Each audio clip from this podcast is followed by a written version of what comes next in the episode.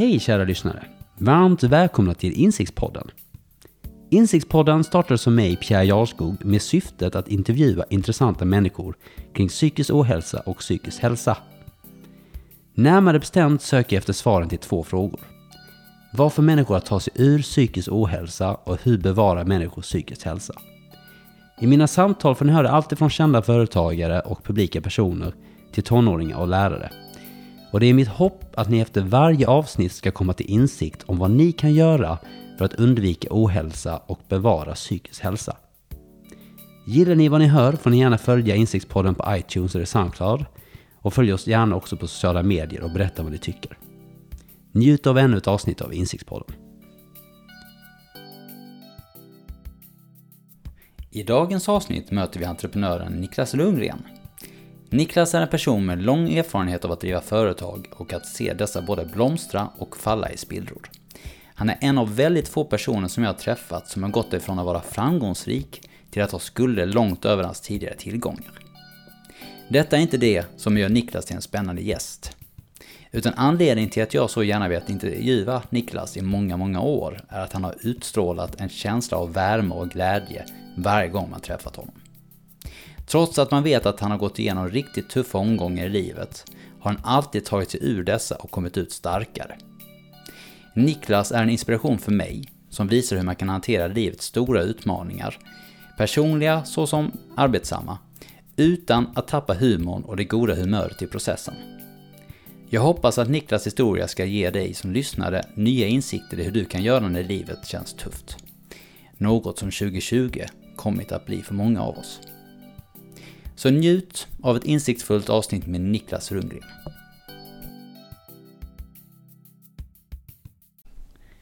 Varmt välkommen Niklas! Jättekul att ha dig här. Tackar, tackar.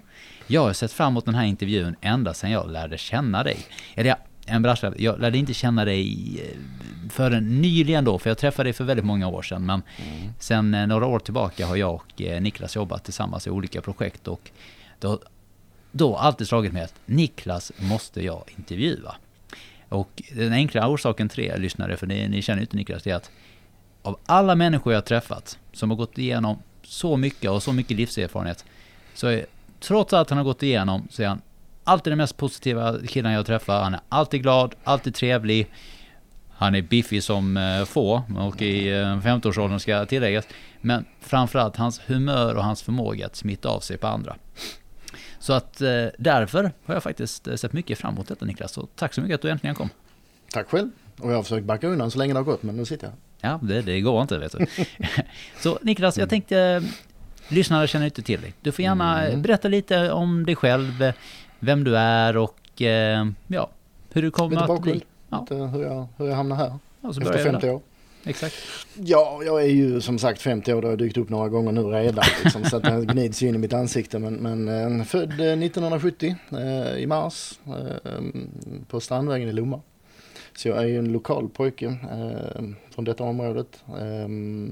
levde mina första 26 år i Lomma faktiskt första 20-22 nere på Strandvägen i Lomma. Eh, hade det väldigt eh, bra där med vänner och familj och allting. Och sedan flyttade jag upp till Slättingsgatan i Lomma i en liten lägenhet.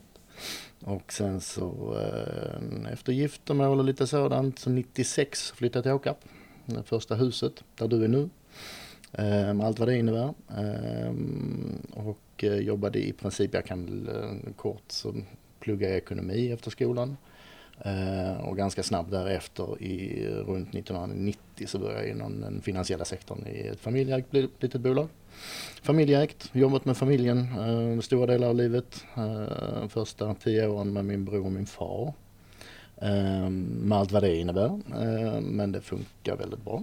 Uh, och sedan de sista 5-6 åren då i början på 2000-talet med min bror. Sen därefter så har jag ju jobbat i egen regi rätt länge som konsult inom det finansiella området och parallellt byggt upp en, eh, lite små verksamheter och lite entreprenörsådrar och sådant. Och senaste åren har jag ju stött på det i olika sammanhang och uh, har väldigt roligt att jobba på det sättet. Ja, verkligen. Och det uppskattar jag jättemycket. Du, du har ju arbetat då i olika projekt, alltifrån eh, finansbranschen till i utbildningsvärlden. eh, till att bara vara generell konsult och så vidare. Mm. Eh, jag tänker att du har gått igenom väldigt mycket. Mm. Saker som inte folk känner till här. Skulle du bara kunna säga eh, lite blygsamt ungefär eh, vad, eh, vad du varit med om under dina entreprenöriella eh, äventyr? Ja, det, det om man säger de första 15 åren så byggde jag ju och min bror upp ett finansbolag som kraschade ganska ordentligt i början på, på 2000-talet.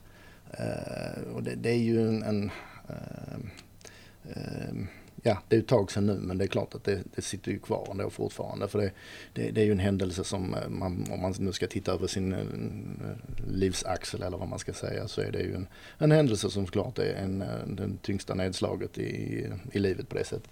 I och med att, att allting som var uppbyggt och, och vad man hade kämpat för i väldigt, väldigt många år som mycket var beroende av både familj och ja, hela, eh, hela sin livssituation eh, hängde ju då kopplat till en verksamhet som plötsligt inte fanns längre. Ehm, och det är klart, det tar ju ett tag att hämta sig från en sån sak. Om man någon gång hämtar sig, det, det kommer väl alltid att sitta kvar i en, eh, hela den, den händelsen så att säga. Men, men sen är det ju då hur man kan komma vidare därifrån och, och det är en väldigt komplex situation eller händelse om man säger så. Eh, men, men jag brukar liksom sälja in till mig själv att eh, det är ju ingen annan som har fått lov att vara med om just det jag var med om. Och det är ingenting du kan läsa dig till, inga kurser du kan gå hur du ska hantera det. det, det är, eh, man är där och man upplever det, man hanterar allt som händer efter bästa förmåga och sen får man ju se vad det blir av det. Ja, för det som gör mig väldigt intresserad och varför jag alltid tyckte att det här skulle bli intressant, är att den där kraschen, alltså en krasch oavsett om det ens är en relation eller ett giftermål eller ett företag. Du jämför en krasch med ett giftermål, det var lite intressant. Ja, jag tänker en skilsmässa då. Ja, men det, ja, jag, jag är nygift så ja, det, det kanske inte blir så populärt detta. men, men att gå igenom någonting sådant, det, det finns ju mängder av exempel just nu där folk eh, går in i väggen och man ja, har svårt att återhämta sig eller eh, ja, alltså, vad ska man säga, folk får ha just nu svårt under 2020-talet med mm. saker som är betydligt mindre än att ens livsverk, som man ändå kan säga att det här finansbolaget var, mm. Eh, för er. Och det var ju liksom en, familjens livsverk också. Mm. Jag tänker lite grann, hur, vad hade du för, hur gjorde du för att ta dig dit du är idag från att ha konfronterat det här gick åt skogen? Har du alltid varit glad och positiv? Eller hur har du lärt dig hantera det? För att det måste ju ändå varit en väldigt känslomässig händelse när man ser alla, den här händelsen då, ja, händelseförloppet mm. ske. Ja, jag har funderat på det ibland faktiskt. Även såklart diskuterat det med, med folk som jag känt under lång tid och även brorsan och, och så här. Vi har lite olika sätt att hantera en, en, en sån här sak. Men det är nog lite att dra tillbaka det till hur man var innan. För jag tror inte det, det, är, det är liksom inte rätt läge att försöka eh, skapa sig en ny, en ny sätt att vara i en sån, när en sån sak händer. Utan man har en personlighet och den utvecklad under många år. Och just det här med att vara kanske den här lite uh, positiva inställningen till både nya människor, nya situationer och allt som händer. Lite, lite som en uh, korkad hundvalp ibland brukar jag likna mig vid. Nej, men, men jag är nyfiken och och, och jag, kan till och med tycka det är kul att träffa en människa jag tycker är en riktig skitstövel och sitta ner och prata en timme liksom. För det, det, det är intressant. Och den, den, eh, den sidan har jag ju haft, tror jag i alla fall. Och det tror jag andra skulle ha hållit med om också ända sedan jag var, var liten egentligen i, i skolan. Och alltid haft lätt sociala kontakter och, och få folks förtroende. Och, och eh, de bitarna. Att mm, man lyssnar på andra så tycker man, de, de tycker man är en, en schysst människa. Um, och det är klart när, när en sån sak händer så är det klart att, att uh, um, då ramlar man ju tillbaks till vem man var innan. Uh, på något sätt och hur man vill, vill se på den här situationen. För, att, mm, för mig var det en situation att det är, det är ett alternativ, det är att gå och ställa sig framför tåget. Det, det är ju ett sätt att hantera en, en sån situation. Eller så kan man ju bara deppa ihop sig och tycka att uh, hela världen är orättvis. Att, uh, jag kan ju sitta och gnälla över det här resten av livet. Mm. Um, eller så får man se det som en utbildning. Jag har ju inte mycket utbildning rent uh, så formellt och, högskola och grejer. Det blir aldrig av. Jag börjar jobba väldigt snabbt. Eh, men jag vill ju ändå påstå att jag har väldigt mycket kompetens. Men jag kanske inte har fått den genom att plugga i skolan utan jag har varit igenom det på, på andra sätt. Och det känner jag ju nu, speciellt nu när man har lite pondus i med åldern. Eh, så har man ju nog byggt ihop ett, eh, ett paket som är eh, rätt så attraktivt för andra att utnyttja med tanke på, på erfarenheten. Såklart. Och det är så jag väljer att se det också. Så att säga. Det, är, okay, det är en spännande historia att berätta allt. Man kan grotta ner sig i detaljer i oändlighet. Jag kan prata i sju veckor oavbrutet om hela den historien. Eh, det har jag nog gjort i vissa tillfällen också, men dit ska vi inte nu. Eh, men, men, nu blir det mer en spännande historia. Man kan relatera till andra saker som händer eller man, man märker man kanske kan vara lite rådgivare åt folk som råkar illa ut och, hur de ska eh, kanske tänka och, och ta ett par steg runt eh, innan man tar allt för eh, stora beslut. Ehm, så det, det är okej, okay, jag skulle egentligen, jag hade hellre varit utan den kompetensen om man säger, men mm. nu sitter jag där med den och den, den på så sätt så är det ju en intressant sak att ha varit med om. Såklart, men jag vill ändå försöka i alla fall, bara för att se om det finns något guldkorn där, det är att som du säger själv, du vet. Ett alternativ var att ställa sig framför tåget, ett mm. alternativ var att deppa ihop, ett annat alternativ var att klaga för allt man hade. Jag gissar att under den här kraschen så måste ju nästan alla olika tankar ha dykt upp. Allting måste ju nästan ha kanske känts som ett alternativ i något tillfälle, kanske inte det absolut värsta och så vidare. Men har du, eller var det att det aldrig fanns där för att du alltid haft den här tryggheten att och sättet att se på livet? Eller har du ett speciellt sätt att hantera när sånt dyker upp? Förstår du? Mm, mm. Jag, jag, kan, jag har ju aldrig ramlat dit där jag känner liksom ehm, jag har väl snarare känt att jag, jag vill verkligen prova på hur det är att vara deprimerad. Eh, jag har försökt framkalla situationerna där jag har varit riktigt, åh, allting är eländet. Och det är klart att det känns ju så. Men, men ehm, för mig har det inte riktigt varit, det, det fastnar inte riktigt. Eh, och det är jag ju väldigt glad för att det är så. Men, men eh, ibland har jag undrat om det är jag själv som går och liksom bygger upp någon sorts uh, hittepåvärld där jag egentligen är grovt deprimerad uh, i grund och botten. Men att jag har ett skal på utsidan som är fantastiskt glatt och, och roligt och så. Men, men det känns som nu efter 15 år borde den, den ha säckat ihop och det gör den inte. Så det är ju någonting, det kan ju vara någon skada hos mig, det vet jag inte. Lite att jag, jag stänger av vissa vissa känslor på det sättet. Men jag, jag väljer ju snarare att, att inte grotta ner mig i eländen när jag istället kan eh, vända vidare till någonting uh, positivt. Men när du säger det, väljer, mm. upplevs det som ett aktivt val att, att du faktiskt tar det valet då? Det är ett, att, eh, absolut nej, ett aktivt val. Det är det. Ja.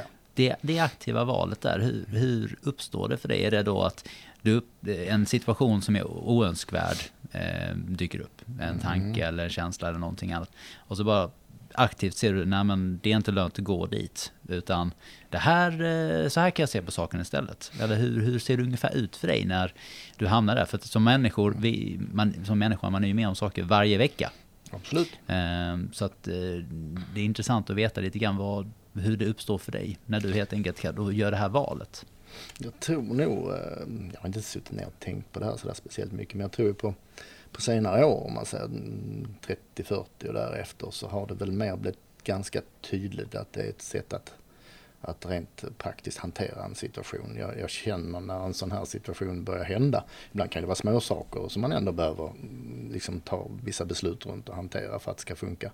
Ehm, eller så kan det vara en, en, en chockartad upplevelse som händer. Men, men jag är nog rätt så snabb på att analysera läget så att säga. Ehm, jag är väl, man vet ju aldrig från katastrof händer hur man reagerar liksom. Men jag tror jag kan vara ganska eh, rationell och klartänkande i en krissituation. Sen får man ju alltid eh, eftersläpningar på det men, men eh, Ehm, jag tror jag är rätt så, kan analysera rätt bra vad som händer och tänka till innan jag gör saker. Och jag tror när jag var yngre så var det inget jag gick och tänkte på utan då reagerade jag bara eh, på det sättet och då kopplat till min personlighet som är rätt så positiv så de flesta situationer som dyker upp blir ändå ganska bra. Eh, och lätt att få folk med mig och sedan nu skiter vi i det, nu går vi vidare. Ehm, men jag tror de senaste 15 åren då sedan den här händelsen och allt som har hänt därefter har nog gjort en rätt så eller gjort mig rätt så klar över hur, hur jag väljer att se på saker och vad jag behöver ta ställning till och hur, jag är lite så sammanfatta liksom, jag vill när jag fattar beslut vill jag ju fatta de besluten på så bra grunder som möjligt just då. Sen kan det vara fel beslut och det kan man ju komma på i efterhand hur kunde jag göra, göra så. Men jag, jag, vill ju nu säga, eller när jag tänker till själv, att de flesta beslut jag tagit har ju nu i efterhand varit rätt så bra. Och vissa som inte har blivit bra har ju ändå varit bra för att jag vet hur jag tänkte när jag tog de besluten. Och det är en, en tröst för en själv ibland att uh, jag är inte helt ute och reser. Liksom. Det, är, det, är ett sätt att få en, uh, det är ett sätt att se på sitt, sin tillvaro. Mm. Men om vi då tittar på, som du säger, du har förmodligen ett personlighetsdrag att du är positiv generellt mm. sett. Så att du alltid kunnat falla tillbaka på det utan att behöva tänka på det. Ja. Men om du kollar tillbaka på din eh, barnår, för att jag menar, skolan kan vara tuff och det mm. finns flickvänner och det är, du vet, man blir dumpad, man blir inte dumpad, man hittar nytt eller vad det än kan vara. Va? Mm. Jag bara, var det samma sätt på, det, på den tiden då att eh, du, du hamnade aldrig dit egentligen när du kände att eh, saker och ting var tråkigt och det här gillar jag inte? Nej, det, det, tycker jag faktiskt inte. Det är klart man hade ju sin eh, liksom, ångest inför prov och elände och skit när man var tonåring och sådär. Det, det, det, det är klart att man har, har, haft sina mörka stunder när sånt har varit jobbigt. Men någonstans har det ändå funnits där att man får ju se det lite i sitt perspektiv. Och alla går igenom det. Alla kompisarna sitter hemma och har ångest inför samma prov. Och, mm. det är ju ingenting som liksom världen är skapt runt för att göra mitt liv eländigt. Utan det är någonting man får hantera för att komma vidare helt enkelt. Så att eh, jag tycker ju hela min uppväxt så har jag ju ändå sett, haft detta synsättet på saker och ting tycker jag faktiskt. Det är, ehm, och jag tror det hänger ihop med, med eller tror det, grunden i det hela är ju en väldigt stark och bra familjesituation om man säger så. Eh, klart vi har haft våra problem men, men eh, en, en, pappa som eh, alltid ser positivt på allt har ju såklart smittat av sig på mig. Det är också liksom okej, okay, nu har detta hänt, ja men då får vi göra det bästa av det. Det är väl lite så jag tittar på min far och sen eh, min mor är lite försiktigare och så också men, men eh, har ju alltid varit den här trygga basen i tillvaron liksom. Och det, det är nog lite jag reflekterat över inför den här diskussionen som du och jag har. Att vad är det som gör att jag känner mig så trygg i olika situationer som jag ändå är i. Och det har nog sin grund i att jag alltid har känt att, jag, att man kan backa tillbaka någonstans. Att du har en trygghet i någonting. Okej, okay, allt annat skiter sig och det här riktigt går åt skogen. Då, då, ja, men, då kan jag alltid sticka hem till mamma och pappa och så laddar man om. Det är otroligt viktigt. Det vill jag nog understryka att det är väl som jag kan se den, den eh, ensam bidragande, starkast bidragande eh, orsaken till, till, att jag känner som jag gör. Mm. Jag tror vi alla kan enas om att eh, föräldraskap och att eh, ta hand om sina barn eller att den miljön man växer upp i är såklart eh, en av de sakerna som påverkar en mest. Ja. Och du har ju faktiskt rätt stor familj själv. Hur många barn har du? Du har tre barn. Oh, vad är det nu? Och lite bonusbarn också. lite bonusbarn. Det är ju fem barn faktiskt som jag har i mitt liv. Uh, där Louise är 24, Ludvig är 22 och sen har vi Alex som bonusbarn som är 17 och Julia som är bonusbarn som är 12 och sen har jag lille Gustav som är uh, min egen också som är 7 och ett halvt. För det, för det uppstår ju som är att du har ju fått en väldigt stor gåva då, kan man säga, från dina föräldrar. För att mm. det är ju många som har, som sagt, svårt för mycket mindre saker. Eh, och eh, mm. det verkar som att eh, tack vare bland annat din uppväxt och ett bra sätt att se på saker och ting och lite positivism som har alltid funnits där bak, så har du ju kunnat navigera livet genom mm.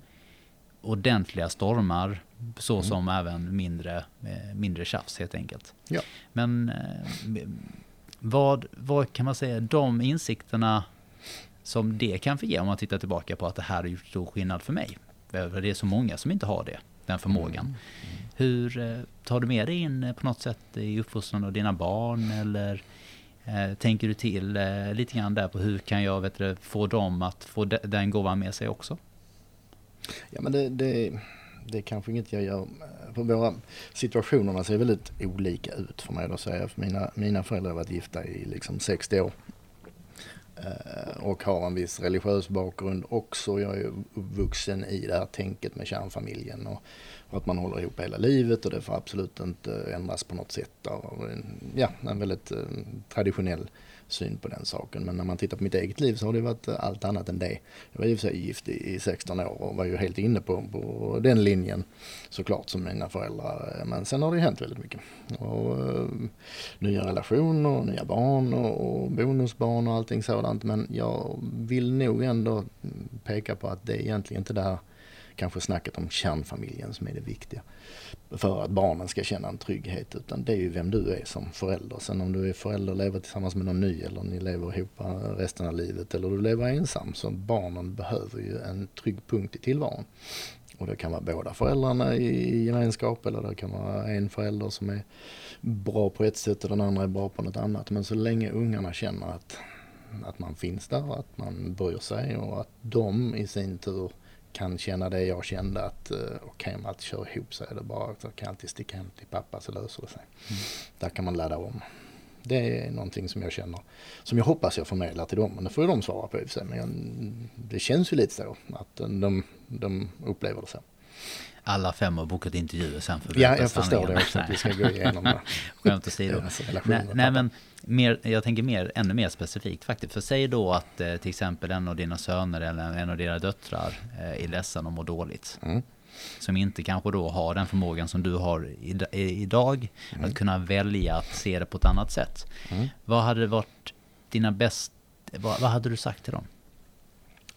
Där, alltså där, där är jag ju inte kanske helt bra på, på det tror jag en, en del barn hade hållit med mig om. Men jag kan ju nog vara rätt klumpig i hur jag uttrycker mig och, och liksom ehm, jag har lite svårt för att, att helt okej, okay, tyck synd om dig själv. Ehm, känn ett tag att världen är emot dig och, och det är riktigt jobbigt. Det är helt okej okay. och, ehm, och må dåligt ett tag. Men sen känner jag ju rätt snabbt att nu har vi gjort det. Och den är inte alltid helt enkelt att sälja in till, till barn kanske. När man Sen får du rycka upp det och gaska upp det. Nu tar vi tag i det här.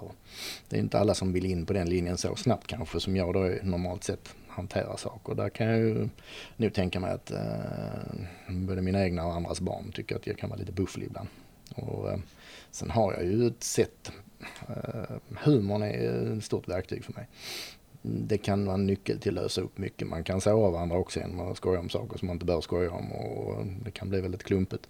Eh, men det är också ett verktyg att liksom mm, öppna upp en situation och skratta lite åt det. Eh, lite galghumor skadar aldrig. Det, det har man nytta av i alla lägen. Jag var, ser det lite lättsamt på det och i alla fall försöka ta sig igenom det med lite humor. Ja, man ska inse att en sak är allvarlig men man ska inte vara rädd för att skoja lite om, om, om det hela samtidigt. Det, det, är ett sätt att komma vidare. Det är inte liksom att inte inse eh, att man behöver hantera saker och ting. Men det är, det är ett sätt att liksom förhålla sig till situationen. Mm. Har du något bra tips för när det inte fungerar? De gånger du själv säger då att så här, ja, men det här togs inte emot eh, så bra kanske. För jag menar, jag kan tänka att det finns många föräldrar där ute som just försöker hjälpa eh, sina barn när saker och ting är tufft. Och, ja, du vet, har du något, vad brukar du hantera det?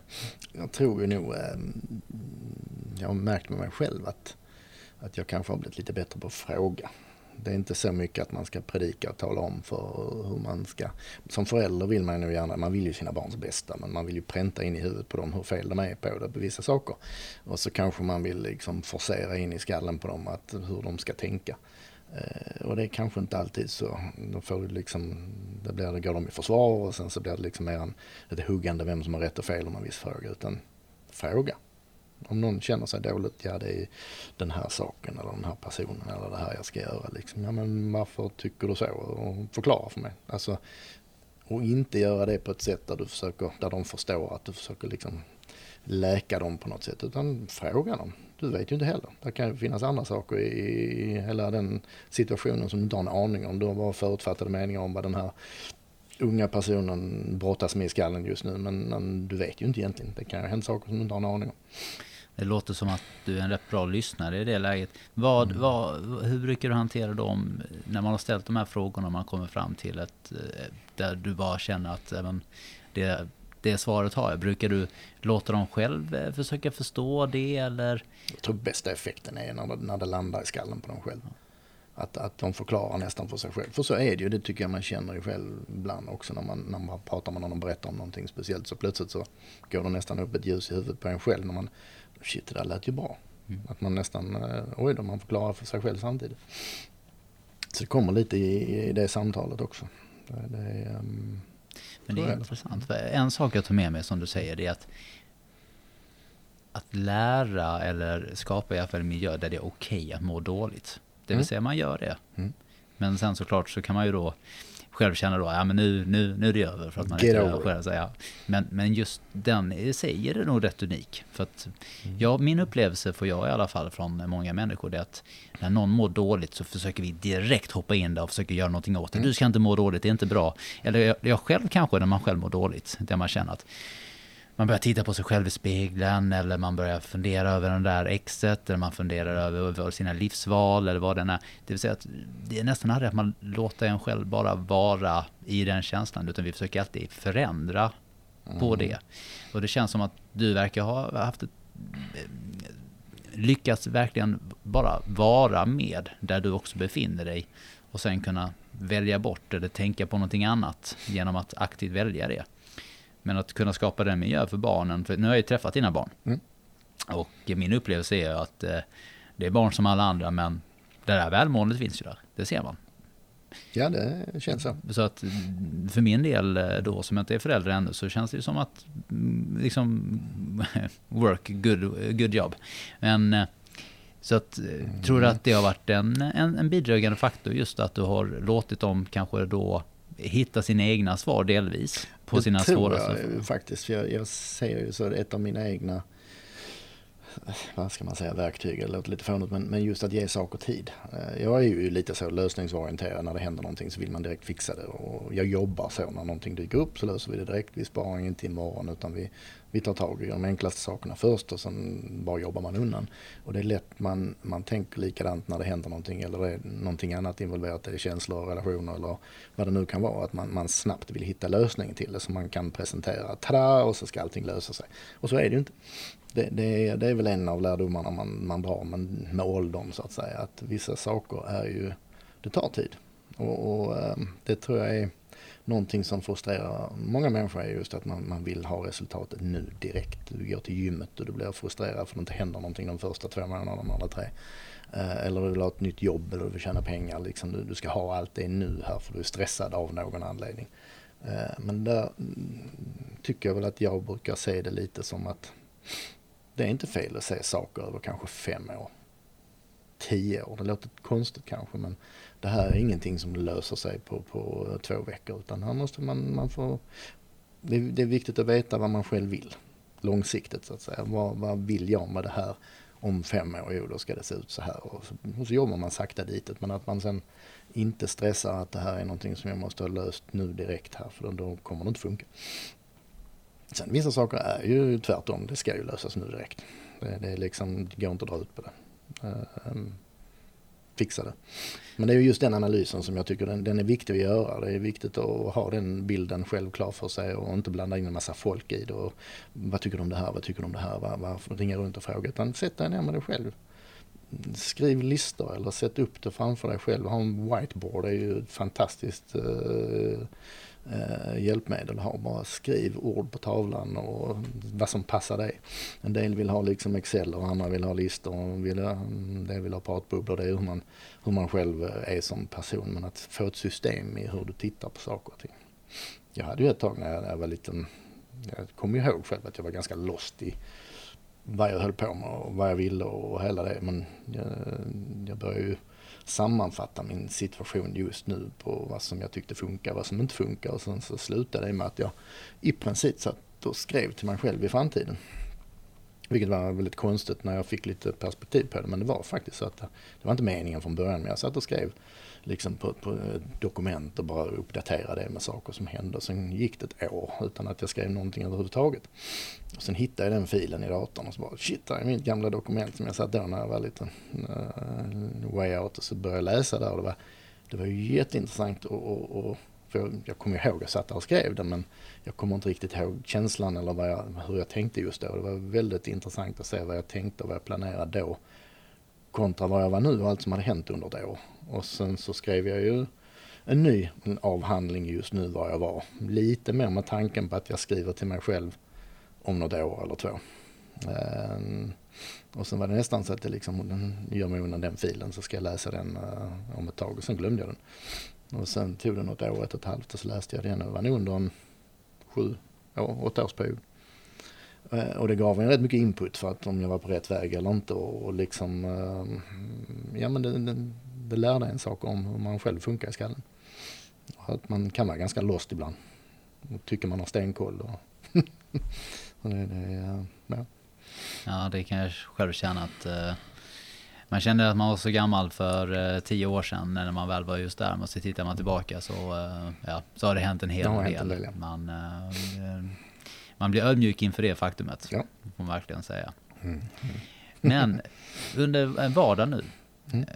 Hur, hur uppstår då, kan man säga, att eh, någonting eh, träffar dig som du inte tycker om och annat. Är det då bara att eh, du väljer bort det och eh, det som till exempel då blir väldigt komplicerat. Ser du då att ja, men det, här, ja, men den här, det här kommer ta sin tid. Det kommer ta tre år.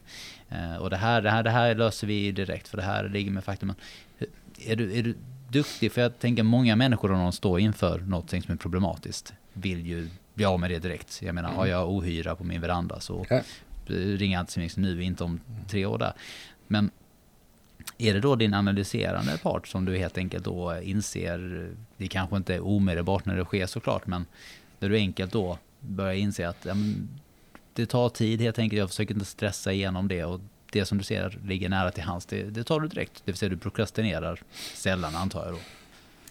Alltså det, det, eh, jag går inte runt liksom och analyserar varenda sak. Jag är ju, ju äldre man blir, ju mer laid back tror jag man blir till hela sin situation. Det ska, ju, det ska mycket till för man ska känna att man har ett, ett problem på det sättet. Utan det är mer ett förhållningssätt till saker och ting. Att, eh, och I grund och botten handlar det mycket om att inte låta saker och ting stressa upp en heller.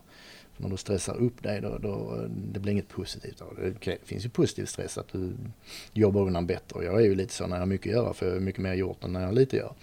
Så man, man, kan ju anpassa sig lite därefter. Jag gillar att ha mycket att göra men, men jag kan ju slappa väldigt mycket också. Så att om man, om man pratar om sån här hantera på, på det sättet vet jag inte. Det ska ju mer vara om det händer någonting eh, tragiskt eller någon bortgång eller då, som den här kraschen eller någonting. Det är ju det jag tänker lite på. Sen själva vardagen är jag nog rätt så, eh, det bara, det ordnar sig. Saker och ting ordnar sig. Ja, så kan man säga då att det som andra kallar problem kallar du egentligen mest en situation som det ordnar sig. Det är bara man får bara ta tag i det. Jag brukar ju dra en linje där rent mentalt att så länge du är frisk så är ju resten är ju liksom ganska överkomliga grejer nästan oavsett vad det är. Till och med om du är i en skitig skilsmässa eller ett bolag kraschar eller vad man nu ska säga så är det ju faktiskt den linjen som är den, den att hålla koll på. Uh, för, för blir du rejält sjuk uh, då har du inget alternativ. Då är det det du fokuserar på. Sen är det, mm, då är det riktigt tråkigt. Så det är väl det jag har sluppit om man säger. Det är ju lätt att vara positiv och glad så länge man inte är sjuk. Det, det är väl, ehm, där kan jag bli irriterade på folk som kanske tycker deras liv är över när de är hur friska och, och, och så som helst. Det handlar mer om liksom få ordning på skallen och, och komma igång liksom. Och det, där finns ju andra som liksom hamnar i rullstol eller är eh, rejält skadade resten av livet och hittar mening och lever ett bra liv ändå. Och sen sitter där någon som är hur frisk som helst och kanske till och med gott om pengar och ett bra jobb och är fullständigt utdeppad. Det, det kan jag ha lite lite problem och jag kan bli lite irriterad. Hur hanterar du den irritationen då? Då blir jag våldsam. Extremt våldsam och aggressiv. Ja. Nej, det är kanske inte min sida. Nej då, men skämt åsido. Um, men, men för mig själv är det väl lite så jag ser på det. Att så länge jag är frisk uh, så är det inte mycket som kan hända som faktiskt sänker mig. Utan det, det är, uh, allt sånt går, går att hantera. Sen om problem, det var Dalai Lama som sa någon gång det där med, med problemet. Antingen är det ett, problem som inte går att lösa och då är det ju inget problem. Eh, eller så är det ett problem som går att lösa och då är det inget problem då heller. Så det är bara förhållningssättet till samma sak egentligen. Att vissa saker får du släppa direkt för det kommer du aldrig få ordning på. Eh, det kommer inte att funka, du kan inte lösa det och då får du bara hitta ett sätt att förhålla dig till det. Eller så får du börja bearbeta det och göra någonting åt det och lösa det. Det går att lösa saker. Så, för du har ju ett visst språk att prata om de här grejerna som du då, alltså det är ett förhållningssätt och du vet, jag väljer någonting annat och så vidare. Tror du att det är egentligen det här personlighetsdraget som du sen har kommit på att vokabilisera med ett nytt språk desto äldre du har blivit när du har gått igenom mer? Eller har det ändå varit så att längs resan så har du ändå fått lära dig att okej, okay, saker och ting tar tid så därför så inser du att saker och ting kommer ta tid och ja, se på det på ett annat sätt. Ålderns rätt så att säga som det har landat lite. Jag har ju aldrig varit, jag har aldrig varit intresserad av, av um, någon djuplodande analytisk uh, granskning av psyket eller hur man beter sig och sånt. Det har, aldrig, det har inte varit min grej uh, alls. Jag tror första, jag gick ju till någon sån här terapeut 2011 måste det ha varit när jag skilde mig då. Det var en rätt så jobbig skilsmässa och efter 16 år eh, med allt vad det innebär och några år efter kraschen då med bolaget. Så det var, det var ganska mycket på en gång. Ehm, och då bara via en kompis och så eh, fick jag nummer till någon eh, sån här, han var väl ingen psykolog på det sättet, men en samtalsterapeut. Och jag tänkte, jag har inte mycket att förlora, jag tycker det är spännande att testa lite nya saker också. Så jag hamnade hos honom, den här lite äldre, äldre mannen och vi började diskutera. Det var otroligt spännande. Det, det, där kan jag väl nog se en liten sån, eh, eh, vad ska man säga, vägval. Eller en skiljedelar i livet där jag började bli lite, jag fick upp ögonen för vad man faktiskt kan använda sin egen hjärna till och, och, och, se på saker. Och han uttryckte det många gånger som att du går på gymmet och tränar kroppen men här tränar du hjärnan. Liksom. Och det var inte det, kanske bilden jag hade innan var att jag, man åker till en sån och så betalar man och sen så berättar han hur jag ska tänka och så åker jag hem och tänker så, så löser allting sig. Mm. Men, men så är det ju såklart inte, det vet ju alla som har gått och, och fått lite hjälp. Eh, det är ju liksom träna din egen hjärna på att se på saker och, och hur du ska förhålla dig till det och just att man jag kände väl fram till dess jag var väldigt van att förklara för andra saker. Eh, eller hur saker och ting lägger till. Och företaget vi hade hade ju lite anställda och det var mycket folk och mycket kunder och grejer. Jag var ju van liksom sådär. Eh, men, men eh, han ställde ju liksom frågor tillbaks igen. Varför tycker du så? Du sa precis det. Varför tycker du det? Liksom, det var rätt intressant. Och liksom, vadå varför? Och sen blev man nästan lite förnärmad. Mm, mm. Men sen när man började fundera själv på var det här kommer ifrån. Och Eh, så var det, det var rätt spännande faktiskt. Så jag eh, tänkte ju gå till honom en eller två gånger men jag tror säkert jag gick en 15, 20, kanske 30 gånger under något år, ett och ett halvt. Och, um, um, ja, det var en um, bra, bra bollplank. Okej, okay, så lite grann eh, vad jag, vad jag hör att han, han kanske gav insikten att uh, du kan behöver jobba på det där också för att det ska bli, du vet, det kan bli bättre ja. om man arbetar på det. Min, minns du mm. ungefär kanske vad du gjorde med den insikten i form av hur du började prata med dig själv eller tänka då om du vet när saker och ting under den här skilsmässan inte var så kul då att var det då att man insåg ja men okej, okay, ja men Jo men det var jag, jag gick ju dit av anledningen med, med skilsmässan att den var jobbig för mig. Men jag kom ju rätt snabbt fram till med, med eh, hans hjälp att mm, hela det här problemet som jag såg framför mig hade ju egentligen inte med själva relationen att göra den var ju kass, hade varit kass i många år. Det är ju nog både hon och jag överens om eh, idag också. Men, men jag såg ju på familjelivet som någonting som absolut inte fick brytas. Och det kommer ju någonstans ifrån såklart och det sa jag ju innan inledningen i avsnittet här att det har ju med föräldrarna att göra. Alltså mitt sätt att se på hur man har ett äktenskap kommer ju från mina föräldrar som nu har varit gifta i 60 år. Och det är klart när, när jag då kände att det här var på glid och, och vi är på väg ifrån varandra så var ju paniken att försöka hålla det här flytande till varje pris som helst egentligen. Eh, och det är ju sånt man borde stannat upp och fråga men vill jag det egentligen? Och varför? Och vem blir gladare för det här? Och intalar man ju sig själv att oh, det är för barnens skull och det är för uh, vad ska omgivningen säga och, och hela det här. Men fuck it. Det är ju liksom, det är inte det som är det viktiga i livet att hålla den där fasaden uppe och så att alla andra, åh så fint de har det och lyckliga de ser ut. Nej, det är inte det det går ut på. Och det är ju nog lätt att vara där när man är kanske lite yngre, för det är ju så, jag gifte mig rätt så tidigt och jag är 24.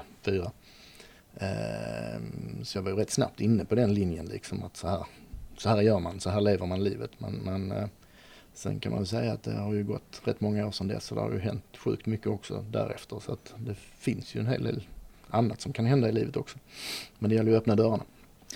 Jag tänker, det var, jag tycker det var väldigt intressant där för att Många är kanske inte så medvetna om hur mycket sitt förflutna eller sina föräldrar, de värderingar man har fått ärva, egentligen påverkar en idag. För att det är precis som du säger att eh, om du då kanske i de samtalen börjar inse att ja, okej, okay, ja detta känns tufft, ja det, det är någonting jag har fått på mig och det behöver inte kanske se det så längre. Mm. Utan man, för många upplever sig nog som misslyckanden utan att kanske egentligen mm. placera det på varför det kommer. Och det är ju därför vi har vänner som kanske säger till oss, nej kom igen nu, det är, så farligt är det inte. Va?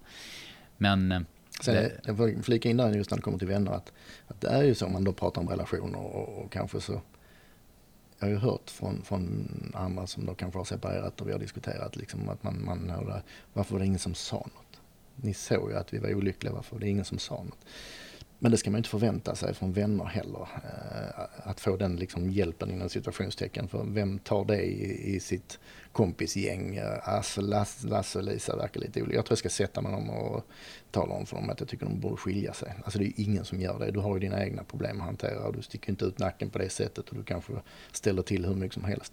Så därför är det ju än mer viktigt att liksom lära sig använda sin egen skalle och titta på lite helikopterperspektiv över sin egen situation. Utan att behöva ha en massa bollplank överallt. Eh, och sociala medier och allting där du ska hela tiden få, mm, är det här rätt eller är det här rätt? Det, det är liksom, vad tycker du själv? Fundera ordentligt länge, vad tycker du själv? Varför håller du på så du gör? kanske du ska lägga all krut på att det här ska ordna sig eller så är det bättre att släppa det och sen uh, tar vi det därifrån. För det, det, är ju inte slut. Allting fortsätter. Och det, så är det ju med hela världen. Dör du imorgon så fortsätter världen ändå. Det ska man ju ha respekt för. Liksom att det, det, det mm, uh, vi, Ja, det är lätt att man eh, tror att eh, våra beslut är definitiva. Men, ja, men det, det känns ju så ibland. Så. Men det är ju, livet är ju i sig själv meningslöst om man säger. Jag säger inte det är negativt men det är ju som om inte jag skulle ha fötts så ju, hade ju världen förmodligen sett likadan ut idag ändå. Och eh, när man försvinner en dag så fortsätter ju saker och ting. Jag har haft goda vänner och lite så som har försvunnit och det, är ju en sån reflektion man gör liksom att eh, okej, okay, det där var ett liv borta, fick inte han vara med längre. Men vi sörjer och allting kraschar och sen ganska snabbt så är saker och ting tillbaka till det normala igen. Ju närmare man är den personen som försvinner ju, ju, ju tuffare är det ju såklart. Men det tuffar på ändå. Det, det, det tycker jag man ska tänka lite på när man kanske går runt och har ångest över vad ska de säga och vad ska hända och så kan jag ju inte göra för tänk vad, vad, vad ska de där borta tänka om det liksom. Men de flesta skiter i, jag ska inte säga att de skiter vad du tar för beslut för det är konsekvenser av allt du gör. Men, men du kanske inte ska tänka så mycket på vad omgivningen tänker för jag brukar tänka så, vad, vad, vad bryr jag mig om Lasse och Lisa skiljer sig? Ja det är ju trist men mer än så tänker man inte på det många gånger. Det, det är ju alla har ju sitt eget liv att ta hand om och um, har inte för mycket ångest över vad andra tycker och tänker om vad du håller på med.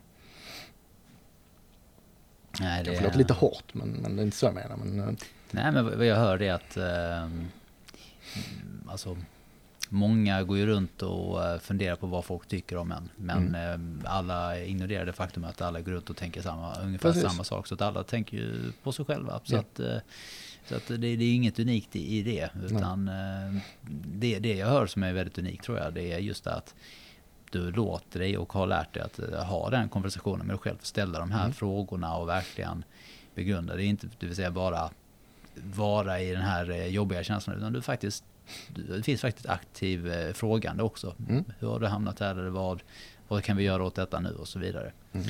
Mm. Och jag tror många försöker nästan bara hitta svaren på sina problem eller frågorna utanför sig själv. Ja. Vilket såklart då leder till förmodligen suboptimala lösningar för dig själv. För det är mm. förmodligen du som vet eh, bäst i slutändan. Ja. Eh, och det är säkert därför det gör så ont också i min upplevelse. Du vill inte alltid ha förklarat för dig.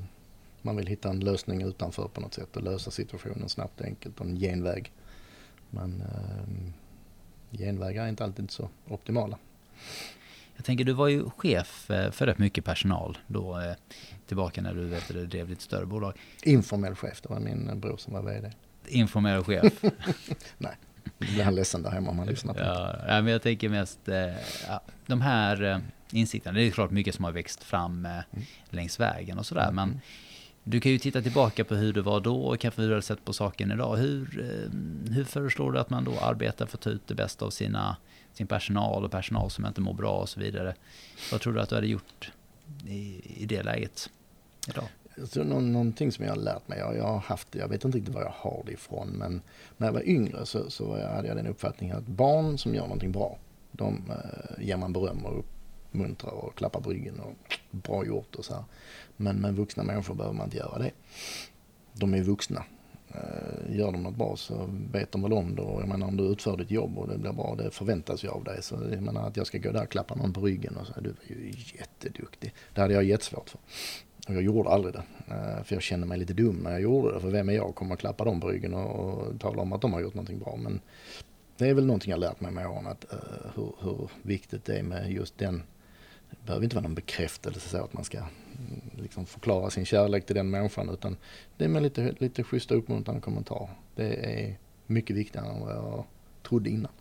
Bland vuxna då menar Barn är det ju såklart sjukt viktigt att, att liksom eh, pusha dem hela tiden och berätta hur bra de är och när de gör någonting bra. Jag menar, har du en, en, en son som sjunger falskt så ska du inte liksom stötta honom till att ställa upp i Melodifestivalen. Liksom. Det, det, där tycker jag en del föräldrar kanske sticker ut nacken lite för långt och eh, gör nästan taskiga mot ungen. Liksom. Jag menar, vissa begränsningar har vi.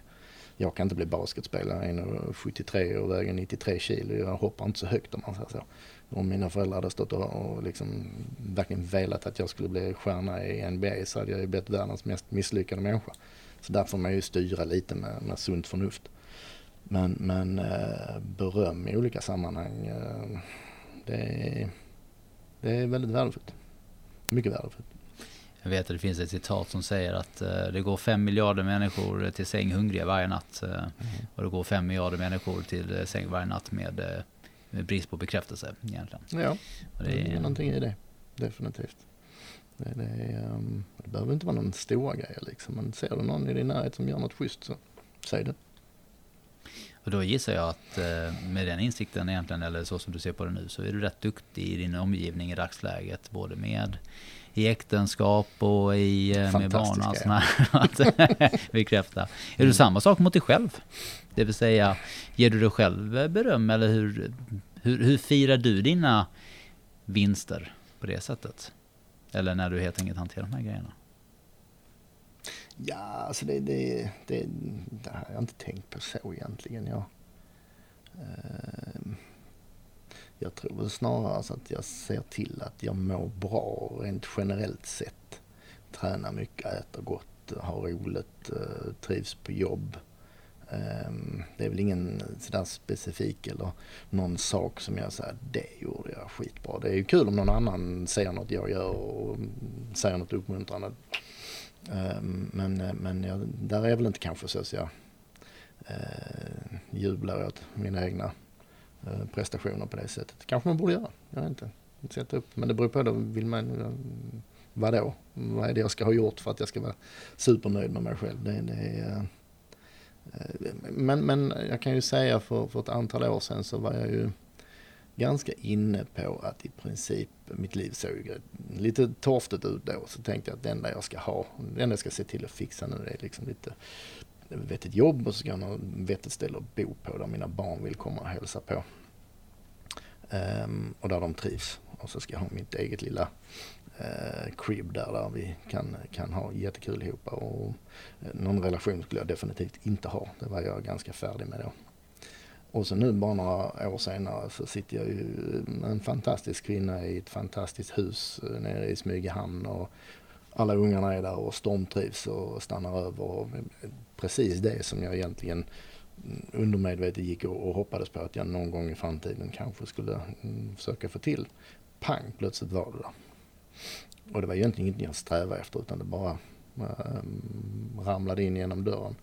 Um, och det vet man ju aldrig. Det, det är, um, i, i, plötsligt händer det. det, det. Livet är ju lite roligt på det sättet ibland. Men det är klart, hade jag suttit eh, instängd i min lägenhet och deppat och inte stuckit ut huvudet alls så hade det ju aldrig hänt någonting. Utan det är ju ändå ett aktivt val från min sida att på något sätt sticka ut eh, huvudet och, gå vidare mot den drömmen jag då hade och så blev det så mycket bättre. Ja, det, det, är ju lite, lite trevligt. Så jag är ju lite nöjd med mig själv men det är kanske inte eh, så som jag har presterat något så. Men, men samtidigt är jag väldigt nöjd med min situation just nu. Nej, men du säger någonting viktigt där. För vad jag hör att du säger är att om du sitter hemma och eh, tycker synd om dig själv eller att eh, eller eh, att du befinner dig i oönskade scenarion eller det finns saker som du också vill ha som familj och allting annat. Men du stannar just hemma och hoppas att det ska ske, då, då, då är chanserna hyfsat små på att jultomten ska komma ner för julgranen med allt du önskar. Men om man just då kanske aktivt väljer att ja, man, man går från det, det är så är det. Och mm. sen eh, är man ute bland människor och i livet, då sker saker och ting i livet. Precis. Och att det är det som är så magiskt. För jag kan, om man tittar tillbaka på mitt eget liv, så många grejer som faktiskt har varit random. Mm. När man har stött på en person mm. som nu är, är en av ens bästa vänner. Eller den kvinnan som man gifte sig eller man eller vad det nu kan vara. Det, det är slump. Mm. Och det enda du egentligen kan öka för att öka sannolikheten för det ska ske, det är att vara på fler platser samtidigt. Precis. Men Utsätta dig för situationerna. Ja, men sitter måste... man hemma och skippar festen eller lunchen eller middagen eller promenaden för den delen så, mm. så är sannolikheten kanske lite mindre. Stannar där. Mm. Mm.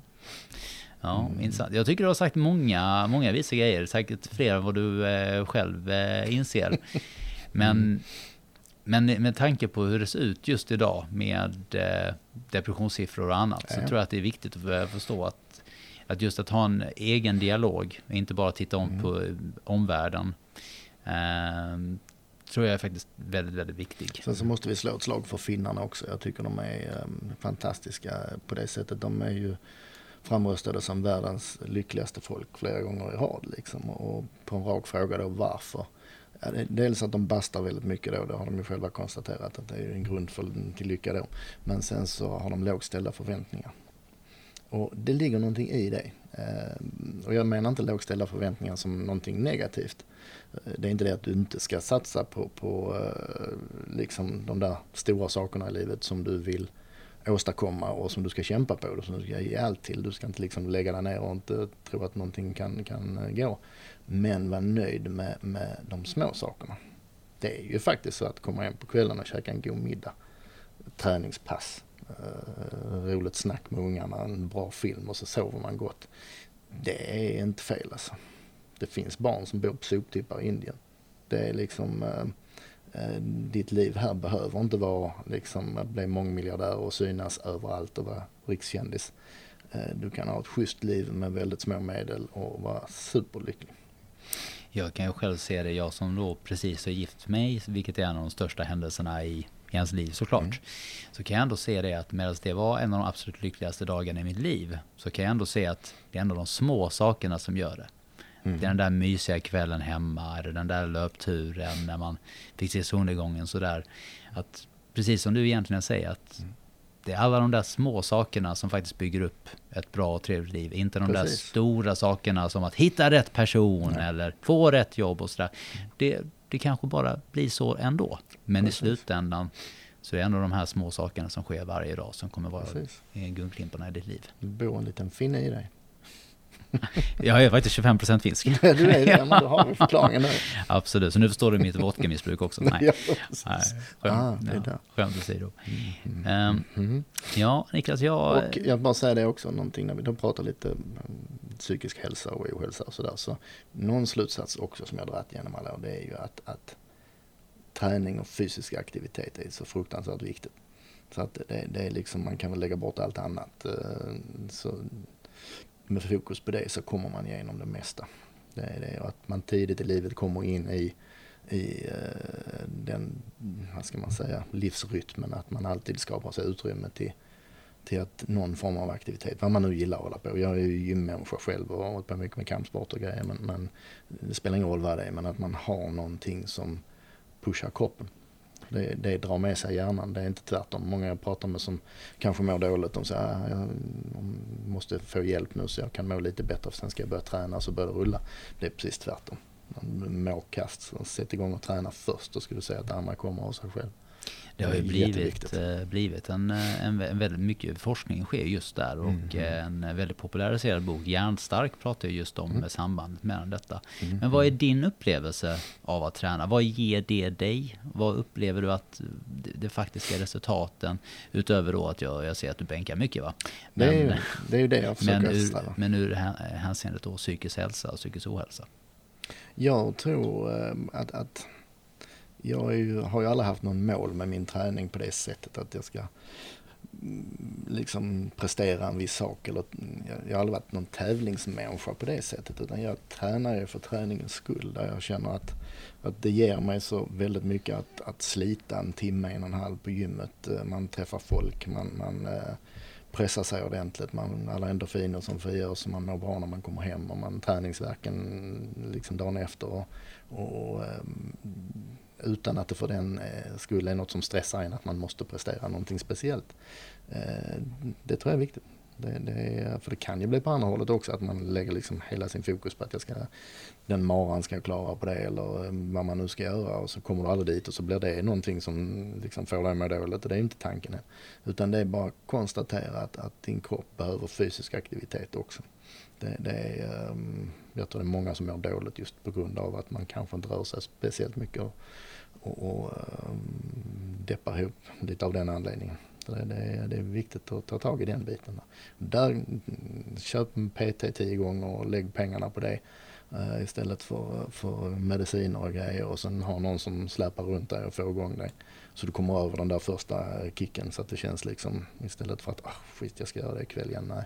Så vill man ju känna liksom att uh, ikväll är det träning. Jag, eh, jag har observerat det väldigt många gånger men eh, det händer ju att man kommer hem väldigt, väldigt trött mm. efter mm. arbetet och man är, känner sig väldigt sliten. Mm. Och jag slutar aldrig bli fascinerad trots att jag vet detta då för jag har mm. testat det så pass många gånger. Men att man kan ligga på soffan, man är så trött att man orkar inte ens sätta på en film nästan. För man mm. känner sig oinspirerad och tycker bara åh gud vad trött jag kan bara längta efter lite mat eller något annat som ska du vet, ge dig lite endorfin och annat. Men det fascinerande är att varje gång då jag lyckas som någon anledning säga nej, jag, fan, jag tar en promenad eller ännu bättre jag går ut och springer. Vilket känns ju helt galet när man är så trött. Men det intressanta är just vad man märker att... Så bra du presterar då? Ja, inte bara prestera, framförallt hur pigg man plötsligt blir. Det vill säga Precis. att det är så väldigt tydligt att om ni lyssnare är någonsin trötta eller något liknande, att, att observera det, att bara ta en promenad när du känner dig trött, just mentalt trött, kommer förmodligen pigga upp dig. För mm. att forskningen bekräftar också att vi genererar energi. Det är inte någonting som vi får genom att äta nödvändigtvis. Mm. Eh, detta är någonting jag kan rätt bra personligen mm. eftersom jag har vattenfastat fyra dagar eh, rätt nyligen. Så att, Till min stora förvåning. inklusive att jag inte ätit på 20 timmar nu. Mm. Så att det, det, det, kan jag väldigt nära där, men det är bra att minnas där. Och det är ungefär det jag hör också från dig själv. Mm. Även om det kanske inte det du, alltid, det, det, du tänkte på. För det är absolut, röra sig är, är, superbra, men det kan vara så bra botemedel mot den där tröttsamheten. Mm. Och jag, vet, jag personligen, jag vet inte hur du är Niklas, men när, när jag är trött, det är då också de där spökena ofta dyker upp. Mer än snarare när jag är superpigg och alltid känns bra. Jo men det, det går nog hand i hand, det gör det såklart. Det, det, mm. har, du någonsin, har du någonsin använt träningen som ett sätt att fly undan eller komma undan eh, jobbiga känslor? Eller har du alltid haft en förmåga bara att man ska träna och jag, det känns bra? Och, eh, Men jag tror det, det har aldrig varit ett sätt för mig att fly undan eh, liksom en situation eller känslor. Så utan tvärtom vill jag nog påstå att den där timmen på gymmet när man går i sin ensamhet och lyfter grejer för mig då så att säga, så, så är det ett sätt jag tänker väldigt mycket då. Så mycket av de här analyserande tankarna som jag snackade om innan, om tänker över sina situationer. Hur ska jag göra här? Hur ska jag göra det? Det hände på jobbet. Hur ska jag lösa det? Det löser man ju på gymmet. Det, det, ehm, så känner jag det. Så det har aldrig varit någon, någon flykt undan eh, på det sättet. Och det tror jag kanske det är farligt att ha det som också. För då, då blir det lite kontraproduktivt på det sättet. Liksom. Det, det, ehm, använd det istället för att um, lösa skulle du säga att det kanske dialogen förändras så mycket genom att du byter miljö? med dig själv. Att det kan också vara en bidragande faktor. Det kan också vara att du får lite perspektiv på saker och ting. Eh, du kommer bort från din eh, varma soffa i din eh, föredragna lägenhet eller bort från jobb om du har det jobbet där och sen kommer du in i en, en helt annan miljö med helt andra människor. Lite bra musik och så plågar du dig lite och sen börjar tankarna snurra av sig själv. Mm. Det, det, så funkar det för mig. Ja, för jag, jag, jag, kan associera mycket med det när, när jag har en, en tuff dag eller jag har fastnat i ett problem mm. generellt mm. sett. Va? när det känns så deppigt. Att, att just att bara ta en promenad i miljöombyte eller gå och träna kan plötsligt få en mm. att ja, någonting annat kom. Precis. För när man väl är inne i det här, mm. Mm. den här ångesten, den här problematiken, då det är väldigt svårt att ta sig ur det på egen hand. Mm. Eh, I alla fall för mig. Um, så att, um, men det, den typen av problem har du aldrig haft på det sättet. Är det att du alltid tror att du har faktiskt kunnat aktivera dig delvis? Att uh, du alltid haft nära till hands kanske att gå och träna eller göra någonting annat? Jag tror det har varit, uh, jag har ju alltid haft träningen i, i, i livet. Och de småbarnsåren så att säga hade jag gym hemma i garaget så jag kunde gå ut på kvällar och nätter och träna när jag kom hem. Jag skapade alltid utrymmet i min vardag till att kunna träna. Det är viktigt att man tänker till lite där så att, eh, men okej, okay, du kanske inte kan gå efter jobb och träna två timmar varje dag när, när frun sitter hemma med, med spädbarnen liksom. Men då får man ju hitta på en annan lösning just de åren liksom. Och det, och det tror jag har hjälpt mig att äh, hantera mycket press om man säger så. Jag känner mig sällan stressad om man säger att jag är uppjagad, att jag måste hinna någonting. För det, det är inte riktigt jag. Men det är klart, press kan man ju känna. Ekonomisk press, allting rasar och du liksom hela din tillvaro rycks undan. Det är klart att då har du en stor press på dig. Men, men eh, jag inbillar mig att, att, rent, att vara fysiskt förberedd för det också. Eh, tillsammans med att man tänker någorlunda klart. Det är eh, en bra, bra utgångsläge.